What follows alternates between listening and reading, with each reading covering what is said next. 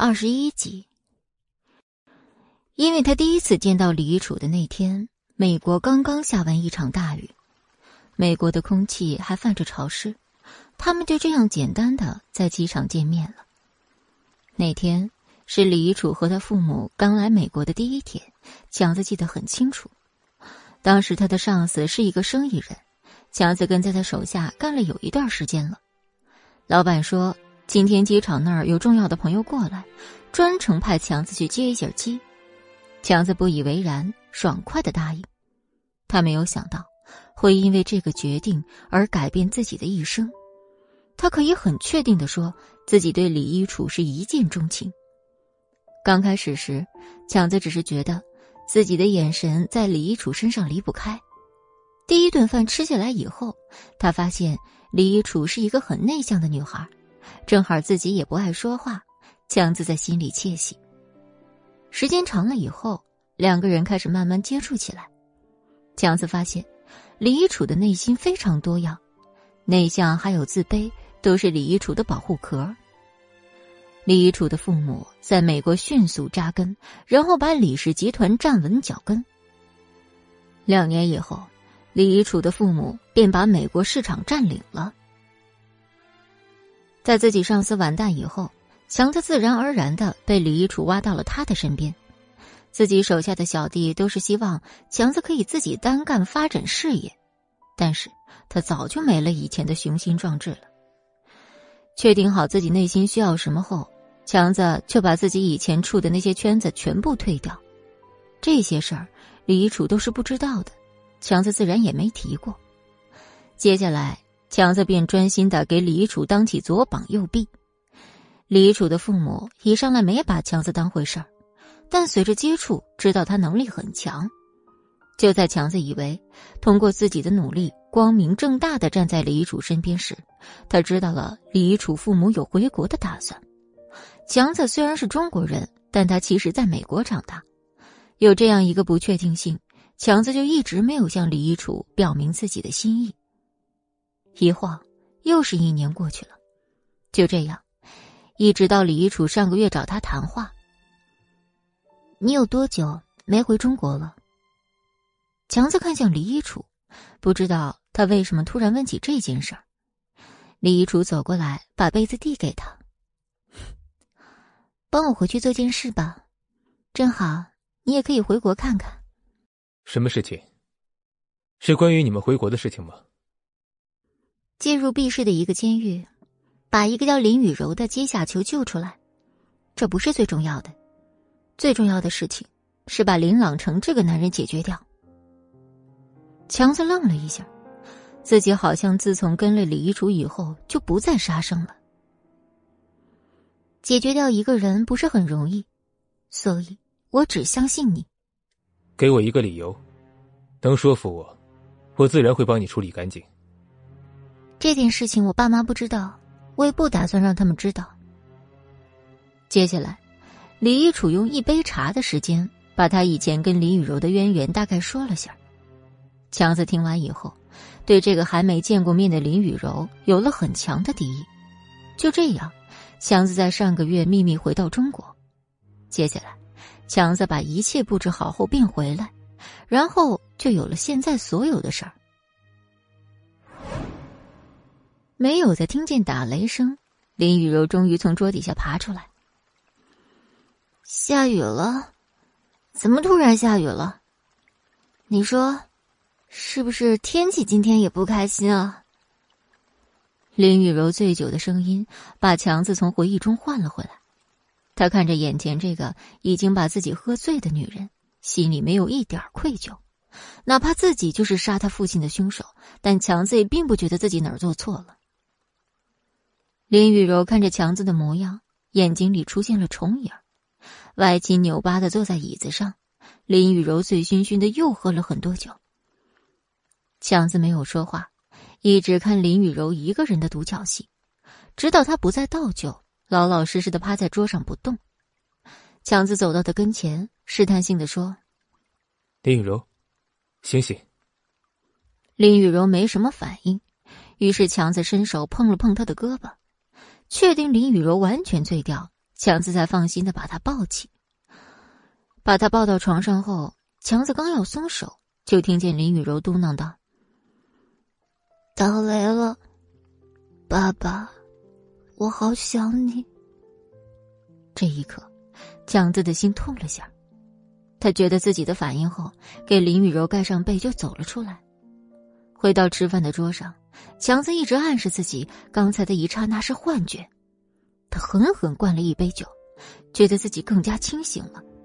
他把烤肉的店关上，拖着自己沉重的步子出了屋。现在已经是下半夜，天空黑着脸，一直在下雨。他看了看时间，给李遗嘱发了条消息。林雨柔今天回来以后发了很多神经病。我想我们的目的已经达到了。估计这个雨会一直持续到明天早晨。你可以多睡一会儿。晚安，我睡了。虽然说了晚安，但强子一直盯着手机，一直到李一楚给他回复以后，强子才心满意足的闭上眼。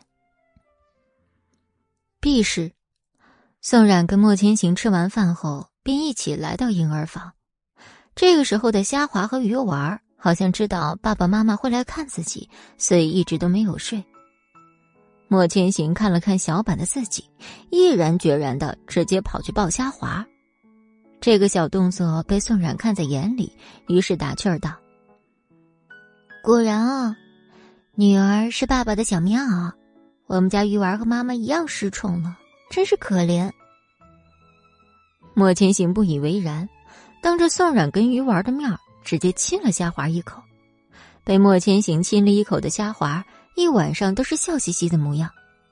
这个时候，宋冉当然不甘示弱，抱着鱼丸开始给他讲坏爸爸的故事。这个公报私仇也太过明显，莫千行在一旁真是哭笑不得。每每这个时候，都是属于一家四口的温馨时刻。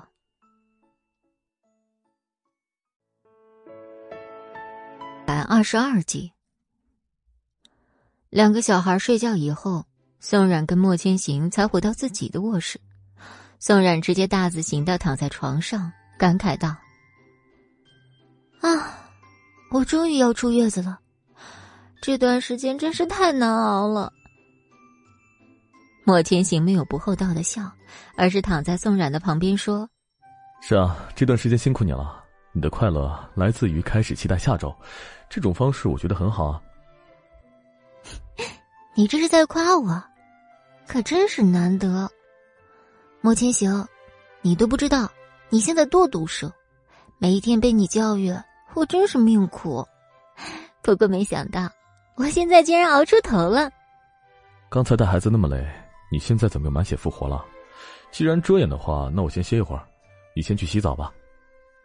宋冉心情好，就非常干脆的下床了，把自己的衣服找好后，宋冉便哼着小曲儿去洗澡了。这衣服还刚脱一半，宋冉便听见浴室的门被打开。宋冉停下手上的动作，试探性的问：“莫千行。”莫千行嗯了一声，然后便听见进来的脚步声。宋冉还以为他是来上厕所的，所以没在意。宋冉刚脱完自己的衣服，莫千行便打开了里面的门，自己被吓了一跳，赶紧把身子转了过去。你，你进来干什么？听见宋冉结巴的声音，他抬头看见他红了的耳根。既然你都不累，我想一下，我也不是很累。哦，我知道了，那你赶紧出去吧，我现在要洗澡。等会儿你再洗。莫千行没说话，宋冉还以为他已经出去了。深吸一口气后，宋冉把自己的身子转过来，紧接着宋冉便瞪大了双眼。虽然宋冉一直知道莫千行有腹肌，但是眼睛这样直观的看见八块腹肌的机会可不多。怎么，才脱了上衣你就移不开眼了？听见莫千行戏谑的声音，宋冉赶紧咽了口口水，视线好不容易从他的腹肌上移走，可是莫千行的锁骨一样很好看。不好看，这这有什么好看的呀？哦，这样啊，我确实不好看，但是你好看啊。这话一出，宋冉当场石化，这才想起他没穿衣服。此刻的宋冉根本不知道自己能做点什么挽救一下。莫千行看宋冉这慌张的样子，自己已经不能在这冷静的跟宋冉保持距离聊天。当莫千行吻上宋冉时，宋冉感觉自己的心都快跳出来了。直到宋冉喘不过气，莫千行才大发善心的放过他。我还要洗澡，要不你先出去。洗澡是啊，我觉得咱们可不能浪费水源呢。莫千行对着宋冉一本正经的说完话后，宋冉还跟着傻傻的点头。于是，莫千行露出了神秘的笑容。宋冉还以为莫千行就要离开，旁边的花洒被打开，浴缸的水也开始放，然后，莫千行一步步的走近自己。宋冉感觉，好像他也不是那么想赶莫千行走。看着走神的宋冉，莫千行伸手挑起他的下巴。节约用水的美德一定要继承下去。我们开始吧。就这样，宋冉便在莫千行的套路下洗了鸳鸯浴。莫千行借着给宋冉洗澡的名义，可没少占他的便宜。从浴室出来时，宋冉的腿已经软了，可是他怎么也没想到，这才是莫千行刚刚开始。天微微亮。宋冉跟莫千行两人终于进入了梦乡。第二天，林雨柔感觉自己头疼的要死，并且生理上带来的感觉让她特别想吐。她一晃一晃的，迷迷糊糊的起床来到卫生间，果然没忍住，直接在马桶上吐了。林雨柔一阵阵恶心，头痛到睁不开眼睛。这种闹心的感觉已经很长时间没有过了。林雨柔知道，他这是喝大了，但是他不能控制自己的不良反应。很快，他在卫生间的动静就吵醒了强子。强子皱着眉，用被子把整个人都蒙起来。伴随着心烦的淅沥雨声，强子再次睡着了。林雨柔把胃全都吐空，直接对着水龙头洗了脸。本以为会清醒过来，但是并没有。林雨柔根本不知道自己是怎么回到床上。等她再次睁开眼时，已经是中午了。他拖着自己疲惫的身躯来到窗旁，原来下了一夜的雨，直到现在都没停。林雨柔把窗帘拉开，然后自己便去洗漱。等自己到楼下时，就发现此刻餐厅已经焕然一新。这时，强子的声音从林雨柔的身后响起。锅里面熬了醒酒汤，自己去盛。啊，昨天我喝多了。嗯，所以我让佣人给你熬了醒酒汤。说完这句话，强子便转身去了客厅。本来林雨柔还有很多话想要解释一下昨天喝醉的事儿，但是被强子这样一搞，自己都不知道要说些什么才好。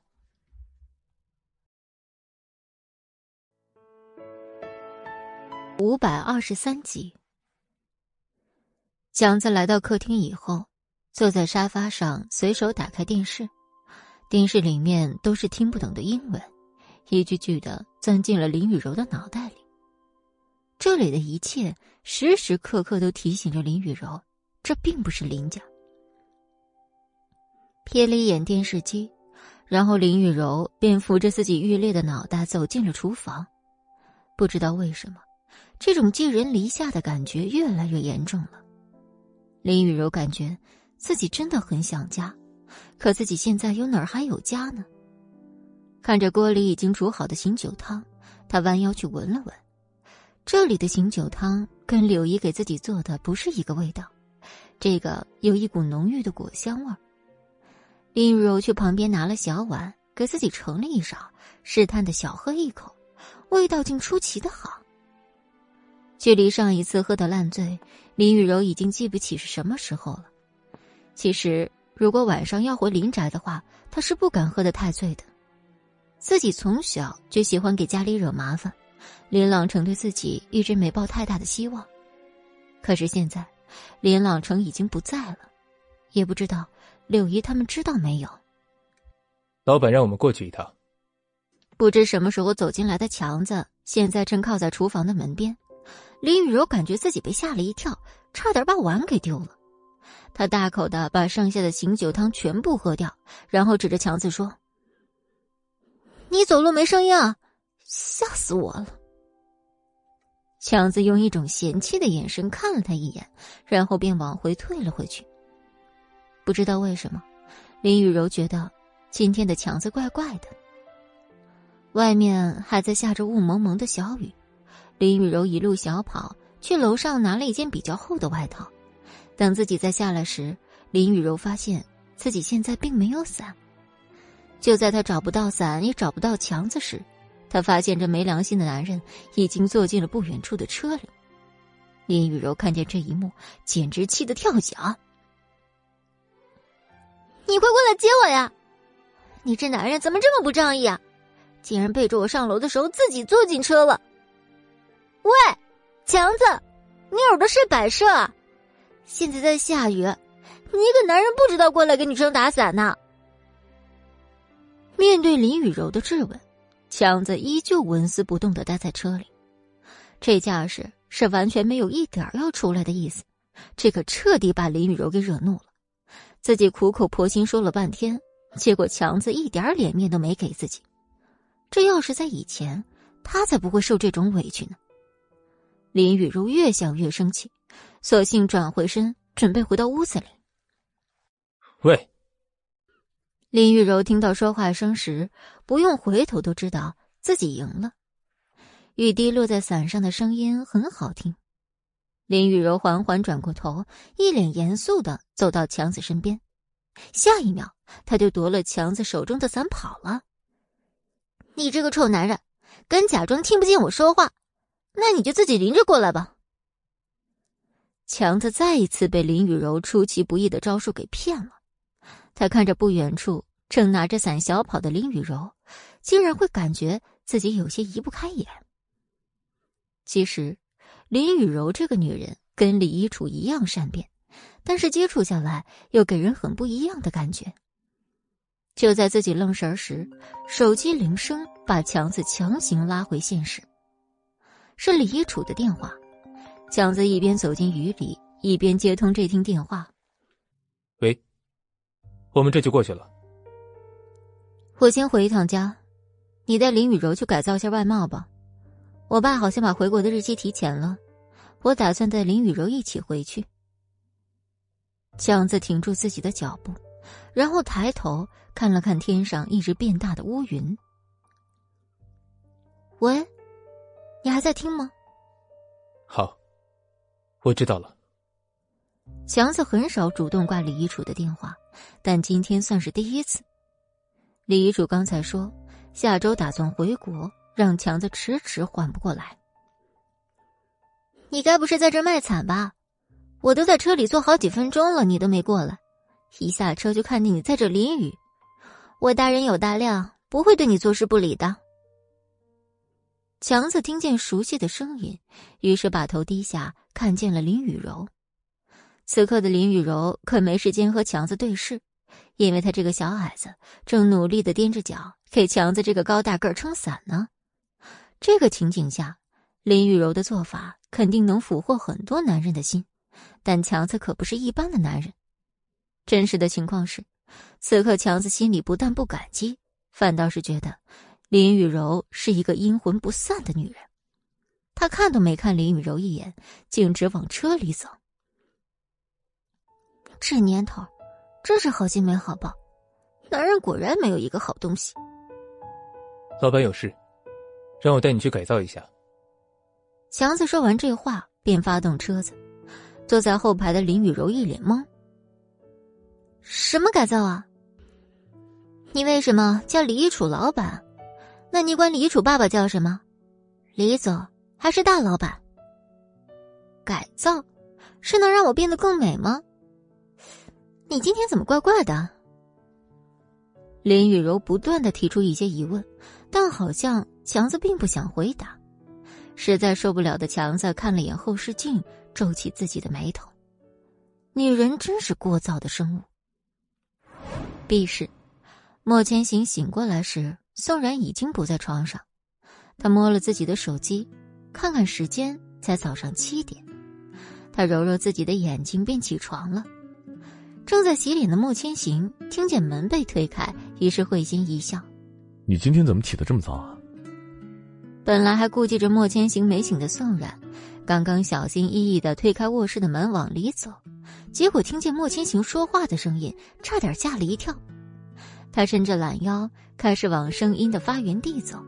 正好和刚洗完脸走出来的莫千行撞个满怀。大早晨的投怀送抱，让莫千行很是满意。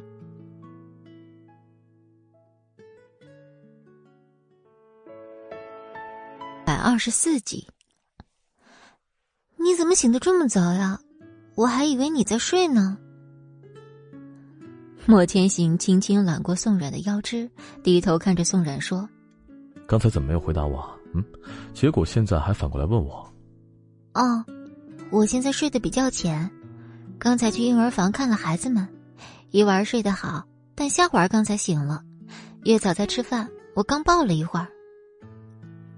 莫千行对这个答案很不满意，原来又是因为孩子而没有选择自己。宋冉感觉自己一大早晨就要把持不住了。因为莫千行的颜值实在是耐看，一个没忍住，宋冉的手已经伸到了莫千行的脸上。碰到莫千行以后，结果莫千行还配合的往自己的手上蹭了蹭。宋冉心满意足的捏了捏莫千行刚洗完的脸。莫千行，你皮肤可真好，不像我，生完孩子脸皮都松了。没有啊。这些都是你一个人的幻觉。你生完孩子确实和以前有很多不一样的地方了，不过多数都是好处。你这是又夸我了吗？夸吧，我现在已经准备好了。结果，莫千行只是戳着他的脑门，退出了洗手间。夸你，宋然，你知不知道有个词儿叫做“白日做梦”啊？我要冲澡了，你别偷看我啊！宋冉白了他一个白眼儿，配合的往外走。就知道莫千行没那么好心，但是当莫千行提到“冲澡”二字时，他便不自觉的想到昨天晚上发生的事儿。为了防止自己脸红被莫千行看出来，宋冉快步回到床上。本来还想跟莫千行说自己出月子的事儿，结果不知不觉就在床上睡着了。莫千行穿着浴袍出来，便看见宋冉露了一个小脑袋躺在床上。于是，他现在变成了放慢脚步，等自己小心翼翼来到试衣间，这才开始挑选今天上班要穿的衣服。等再出来时，宋然已经翻个身朝窗户那边睡了。美国，一路上林雨柔都在后面叽叽喳喳，强子基本上都没有回复他。即便这样，林雨柔一个人说话还是很起劲儿。强子感觉。今天单独带林雨柔出来就是一个错误。前面就是商场哎，强子，你要跟我一起逛街吗？这样也太开心了吧！林雨柔正趴在车窗，露出脑袋笑着。强子一边等红灯，一边很冷漠的说：“把头伸回来，那样很危险，不知道吗？”林雨柔才没听强子的唠叨，甚至还把手伸出去触摸缝。这个挑衅使强子非常不悦，于是他转头给了林雨柔一记警告的眼神。林雨柔这才把手还有脑袋都伸了回来。强子把车开进地下停车场，在一片漆黑中问：“我没有陪女孩子逛过街，我也不知道该怎么改造你。你说，你想先去剪头发，还是买衣服？”林雨柔愣了下，便笑了。强子把车停好，便给林雨柔开车门。你没想好，不过你现在要先下车了。剪头发，那你说，这算不算从头开始？我觉得你这样想也没有错，这确实算是重新开始的一种。好，那咱们就先去剪头发吧，别再浪费时间了，现在就开始行动吧。就这样。两人坐着电梯直奔理发店的楼层。剪头发的这个决定还是很快速的，但是当林雨柔走进理发店时，心里面还是打起了退堂鼓。在一旁的强子一眼便看出林雨柔心里那点小九九，虽然他什么都没说，但眼神确确实实在跟踪着林雨柔。终于，几分钟以后，林雨柔开始行动。就在林雨柔发现自己马上要离开理发店时，强子一手把林雨柔抓住。林雨柔，你要去哪里？啊，没有啊，我哪儿也不去啊。强子配合他说的话，点点头，用眼神示意他回到座位上。林雨柔很是不情愿的回到了等候的地方。几分钟后，有一个理发师走过来，林雨柔知道他这次逃不过了。他忽然想到一个好玩的事儿，我直接剪个利落的短发吧。不过在此之前，我赌你不敢剪平头。强子对上林雨柔的眼眸，里面竟有一丝戏谑。既然你用了这个“赌”字，那么我觉得我有必要回应你一下。剪平头是最考验一个男人是不是耐看的标准。其实林雨柔也就是随口一提，根本就没想到强子会理他。就在这时，理发师对强子说：“那我先给这位小姐剪啊，然后再来给强哥你剪。我希望等下我再见到这个女人的时候，她是一个全新的自己。至于我，自己来就可以了。”理发师竟然没有一点惊讶，他对着强子比了个 OK 的手势。那还是老样子，给你留一个单独的房间。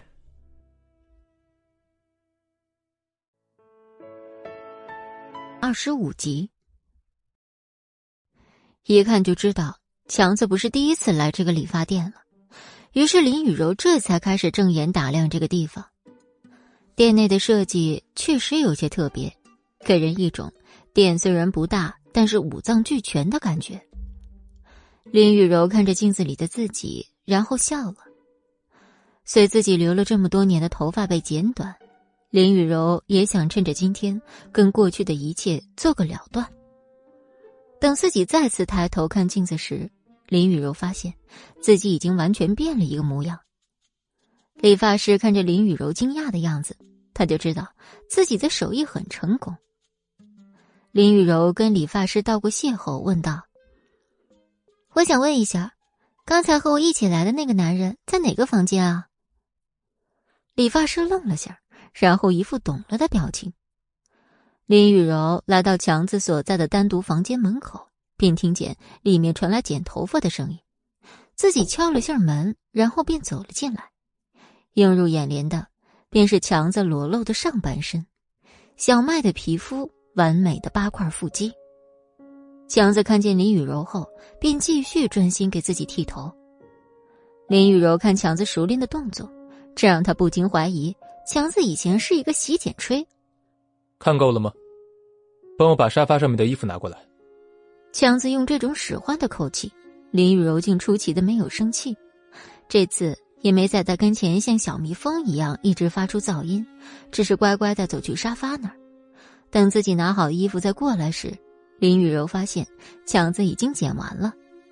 其实强子这个人还是很有颜值的，身材管理也很好，只不过。林雨柔这几天都是跟他拌嘴，没去注意他的长相。看着对自己发呆的林雨柔，强子也借机好好看了一下短发的林雨柔。这个样子看起来，整个人很是干练，比他长长的卷发好看多了。两个人就这样面对面干站着也不是个事儿，于是强子率先打破了这个局面。把衣服给我，下一步是去买衣服。林雨柔看了看自己手里的衣服，赶紧递给强子：“你平头，挺好看的。”这可能是今天林雨柔说的那么多话里唯一一句强子听进去的。就这样，两人离开理发店后就去买衣服。最后回到别墅时，车子的整个后备箱都是满的。强子亲身经历了一场属于女人的血拼，很是震惊。结果。自己瘫在沙发上休息时，林雨柔笑着告诉他：“明天还有下星期，有几套高级定制会专门送过来，到时你帮我接收一下。此刻的强子真的特别想把林雨柔的嘴巴封起来。B 室，莫千行轻轻的走到床边，吻了宋冉一下，便下了楼。看见这么早穿着正装下楼的莫千行，王妈赶紧走过来说：“莫总，早饭才刚开始做呢。”没事儿，我今天去公司再吃。宋冉最近挺累的，今天不要上去叫她起床了。等徐老师来了以后啊，再去楼上叫她。王妈点点头，把莫千行的叮嘱都记在心里。莫千行走到停车场，开了车，然后给小静打了个电话。还在睡觉的小静眼都没睁开，便接到了电话。喂，谁啊？不知道我在补觉吗？是我。林雨柔的事情查的怎么样了？这个声音用脚趾头想都知道是莫千行的专属低音。还在犯困的小静立刻从床上坐起，困意瞬间全无，然后还顺带睁大自己的眼睛，看了看手表上显示的时间，然后拿起手机看来电显示，不是做梦，真是莫千行给他打电话。呃，莫总，莫总，早上好。莫千行还没说话，小静内心感觉大事不妙，以最快的速度冲下床，来到电脑跟前。莫总，林雨柔到了美国以后，一直都没有露面的线索。我派去的人倒是在前几天被暗自除掉了好几个。哪怕这样，我还是依旧怀疑他和李氏集团有关联。就这没了？我给你这几天的时间，你就给我睡觉去了。小静尴尬的摸摸脑袋，心里想：“这下完蛋了啊！”小静感觉今天是不光自己说话没过脑子，最重要的是，莫千行交代自己的事情还没有完成好。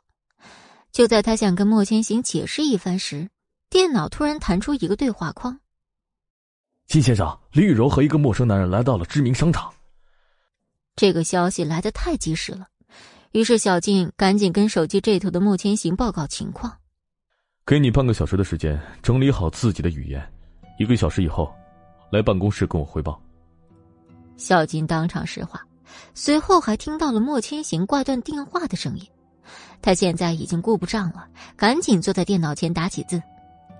昨天发生的事情吗？那个陌生的男人，能调查出是谁吗？那个陌生的男人好像是黑道上面一个大人物，商场人多眼杂，我们没有跟踪的太仔细。好，我知道了。那李氏集团那边的人有什么动静吗？李氏的李一楚今天独自开车回到了李宅，其他的人倒是和往常一样。好，兄弟们在那边辛苦了。聊天结束，小静对着电脑，普京陷入了疑惑，因为他点开照片。发现林雨柔身边那个男人很眼熟，时间已经不能允许他去回忆。小静拿起拷贝好的 U 盘离开家，开车在路上时，小静的脑海里一下就想起了照片上的陌生男人是谁。有了确定答案以后，小静感觉整个人都精神起来了。二十六集，来到莫氏集团楼下时。小静看了看时间，已经过去了五十分钟。她赶紧一边等电梯，一边暗自在心里庆幸：还好莫千行给自己规定的时间是一个小时，现在这个时间刚好够用。还好今天电梯也不拥挤，简直如有天助。几分钟后，小静敲响了莫千行办公室的门。进。莫总，线索找到了。林雨柔出现在商场的时候，身边那个男人是李氏千金李一楚的手下。说到这儿，莫千行感觉自己来了兴趣，放下手中的笔，习惯性的用手指敲击膝盖。随后，小静从口袋中拿出 U 盘递过去，莫千行连接到电脑上，看见照片里的人。兜兜转转，林家的人还是要回来的。接下来，就让我们一起拭目以待吧。那接下来。需要我做些什么？咱们现在什么都不用做，静观其变。这都多少天了，我想李氏集团也是时候派几个有意思的人回国了。看见莫千行露出自己不常有的笑容后，小静就知道有好戏看了。李氏集团这一新的关卡马上就要开启。小静虽还不知道莫千行在想什么，但整个人很有底气。过了一会儿，莫千行突然想起一件大事儿：这周末宋冉出月子，你记得给我预约一下她爱吃的那家餐厅。最近没有别的大事，专心工作即可。好的，我都记下了。然后他便拿着自己的 U 盘出了办公室。每每当莫千行提起宋冉时，就好像一座万年冰山遇见了久违的太阳，完全收起了自己的坚硬和冰冷，只有无穷尽的柔情和细心。美国李宅，李楚一把车子停好后，忽然很感慨，自己上一次回到老宅。好像是上个月的事儿了。楚楚啊，你可有一阵子没回家了，想不想妈妈？妈妈可想你了。李一楚看着面前这个粘人的老妈，露出自己纯真的笑容。妈妈，我也很想你。这时，李父从书房走了出来。一楚啊，你过来一下。李一楚点点头，给了李母一个热情的拥抱。妈，我先去趟书房。就这样，李一楚在客厅还没坐下，便被父亲叫到了书房。两人先是聊了一下最近公司的近况，最后才切入正题。一楚啊，你做事我是放心的，但是现在回国的事情，你准备的怎么样了？我觉得。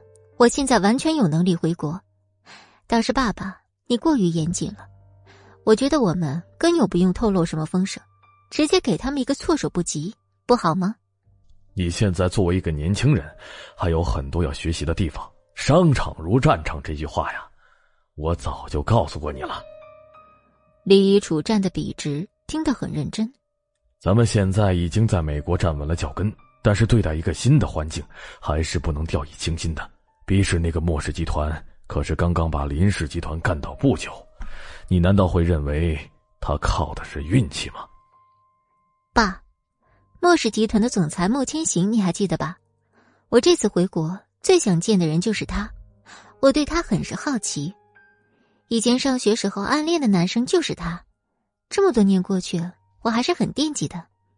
你的这点事儿啊，我还是有所了解的。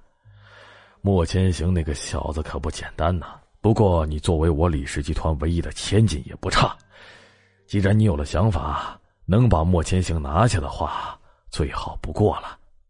一楚啊，下周六你就回国吧，这边先不要告诉你妈妈。国内那边我已经完全给你安排好了。好，那我今天在家住一晚上，明天便去公司交代琐碎的事，然后便准备回国了。看李一楚这么淡定的答应，并且有一定的计划后，李父很是满意。一家三口坐在一起吃饭的机会真是太难得了。李母吃饭时一直给李一楚夹菜，李父在饭桌上也放下自己平时严肃的架子。楚楚啊，怎么没看强子跟你一起回来呀？哦，他今天有别的事情要做，所以我就自己开车回来了。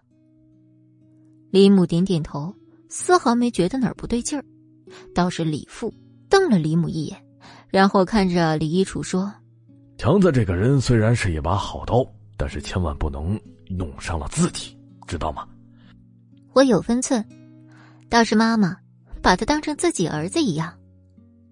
你们只是单纯的上下级关系，不然就是没有任何关系。这种话。在李一楚刚开始要把强子挖过来时，李父就是这样说的。这句话，我觉得你要好好跟妈妈说。我觉得他对强子也太好了。我这不是看强子跟你这么长时间，所以才把他当成自家人。要我说呀，强子他说不定还喜欢你呢。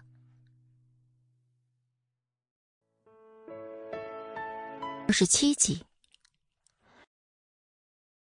李一楚直接摇摇头说：“不可能，我们真的是纯友谊的革命关系，这都好几年了，你们就放十万个心吧。话都说到这个份上，李母自然也没有什么想要说的。李一楚怎么都没想到，自己回家的这顿饭，中心思想竟放在了强子身上。躺在自己柔软的大床上，李一楚想起自己跟强子刚认识那会儿，自己本来就是个慢热的人，所以摆着张臭脸很正常。结果他发现强子这个跟自己气场完全合适的男人，然后。便有了一次又一次的合作，在商业上，强子有时还会指点自己一二。有人说，人在刚认识的那段时间最为合适，也最为新鲜。可这句话在强子这儿完全不成立，因为李一楚发现，强子这人是一个宝藏，不管是工作方面还是生活方面的知识，就没有强子不知道的。在李父把集团做大做强后。李一楚第一时间找到强子，目的很明确，来他身边做他一个人的左膀右臂。当时李一楚也做好了被回绝的准备，结果强子竟一口答应了。当自己成为强子的老板后，李一楚越发觉得强子是个全能型的人才。从一开始的李小姐到现在的李老板，强子从来没有逾越过他们两人之间的关系。倒是李一楚曾经多心过，曾经只是曾经，现在的李一楚心里只有即将见面的莫千行。第二天下午，李一楚离开了李宅，在路上时，他先给强子打了个电话：“我已经在路上了。”“好，路上慢点。你没吃饭吧？我给你做点儿。”李一楚不好意思的笑了笑。强子便知他这是什么意思。半个小时后，李一楚便开车进来，正在沙发上窝着看电视的林雨柔，当看见出现在自己面前的李一楚，以为自己眼花了。老板，你来了。嗯，林雨柔，你短发很好看，看样子这改造很成功。你最近在这过得怎么样？这儿啊。这儿挺好的，我就是有点想避世了。一楚，你刚来美国时是怎么习惯这一切的？不远处的强子把两人的对话听得一清二楚，但他知道他没有什么发言权。很快，两个女生便从客厅聊到了餐厅。李楚看见强子给自己做的鸡蛋糕，眼睛笑得眯成了一条线。看见这情形。林雨柔指着强子抱怨：“为什么我从来没吃过这个鸡蛋糕？我怀疑你是故意不给我吃的。”一楚，你们两个人的相处模式也是这样吗？你难道不觉得强子这人特别无趣吗？李一楚抬起自己的头，这时强子的声音响起：“老板，这个女人真的是太聒噪了。最近这几天，我觉得我过得都很是煎熬。”我从来都没有见过这样的女人。强子完全是恶人先告状，一楚，你别信他的鬼话。没有任何征兆的，两个人吵了起来。李一楚感觉这小别墅好久没这么热闹了。好了好了，你们休战，我来说几句。咱们下周六就可以回国了，这几天你可以准备一下，到时你回国的身份就是我们李氏集团的人。所以莫千行应该不会把你怎么样。强子，下周我要和林雨柔一起回国，你是跟我一起回去，还是留在美国帮我爸打理公司？一切听你的安排，我都可以。哦，那你听安排吧。这段时间你辛苦了。强子没再说话，反倒是反射弧超长的林雨柔说：“下周吗？”真的是下周，我就可以回国了。是啊，到时候还有很多事情需要你的帮忙。嗯，一楚，你放心吧，这次我一定会让莫氏集团付出代价。李一楚笑了，不是因为林雨柔的话，而是他想到了莫千行。在一旁的强子看李一楚这模样，心里很是复杂。他就知道李氏会回国的，只是当这一天真的来临时，自己还是有些难受罢了。李一楚跟林雨柔说完这件事儿时，公司那边也开始着手给他办飞机票。小金正在吃饭，收到关于李一楚下周要回国的消息，他第一时间就给莫千行打了电话。此刻的莫千行正在跟宋冉一起给小孩子做营养餐。接到小金的电话时，宋冉正在专心切菜。莫千行摸了摸宋冉的头，然后走出了厨房。听完小静说的消息。莫千行感觉这一切还在自己掌握之中。这几天你给我盯紧了，有什么事情再给我打电话。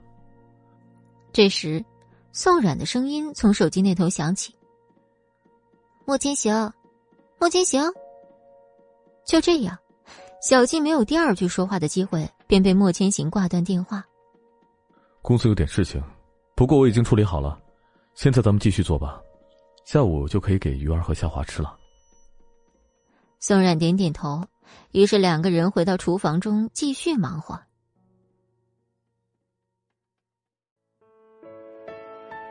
二十八集，下周六很快就到来了。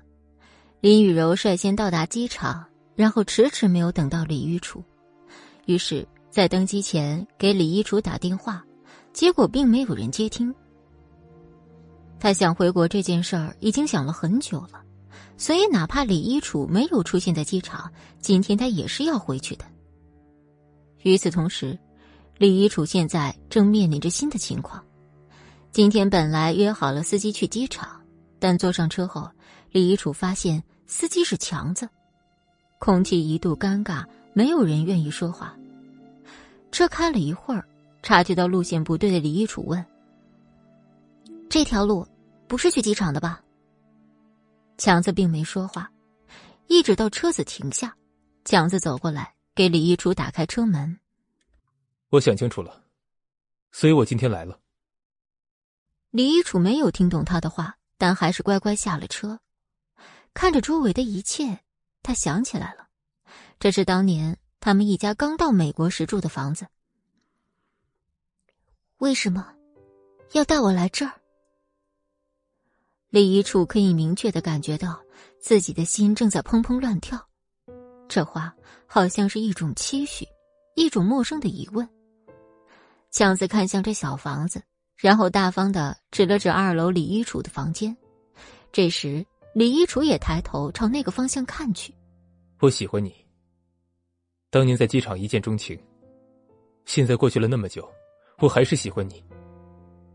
一开始的时候。我只是抱着一种好奇的心态，结果接触下来，我感觉你很是特别。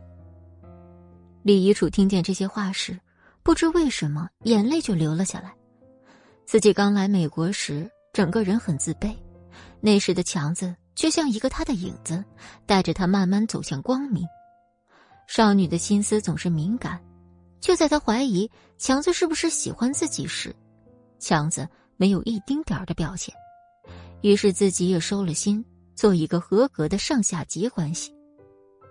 一晃好几年过去了，李一楚以为自己这辈子都不可能谈恋爱了，可现在从强子口中说出这些，依然让他那么心动。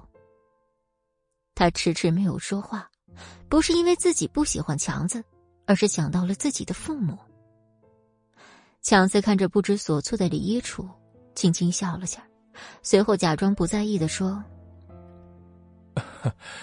你不要把这当成是一种负担啊，毕竟你这次回国，很有可能，我们就再也见不到了。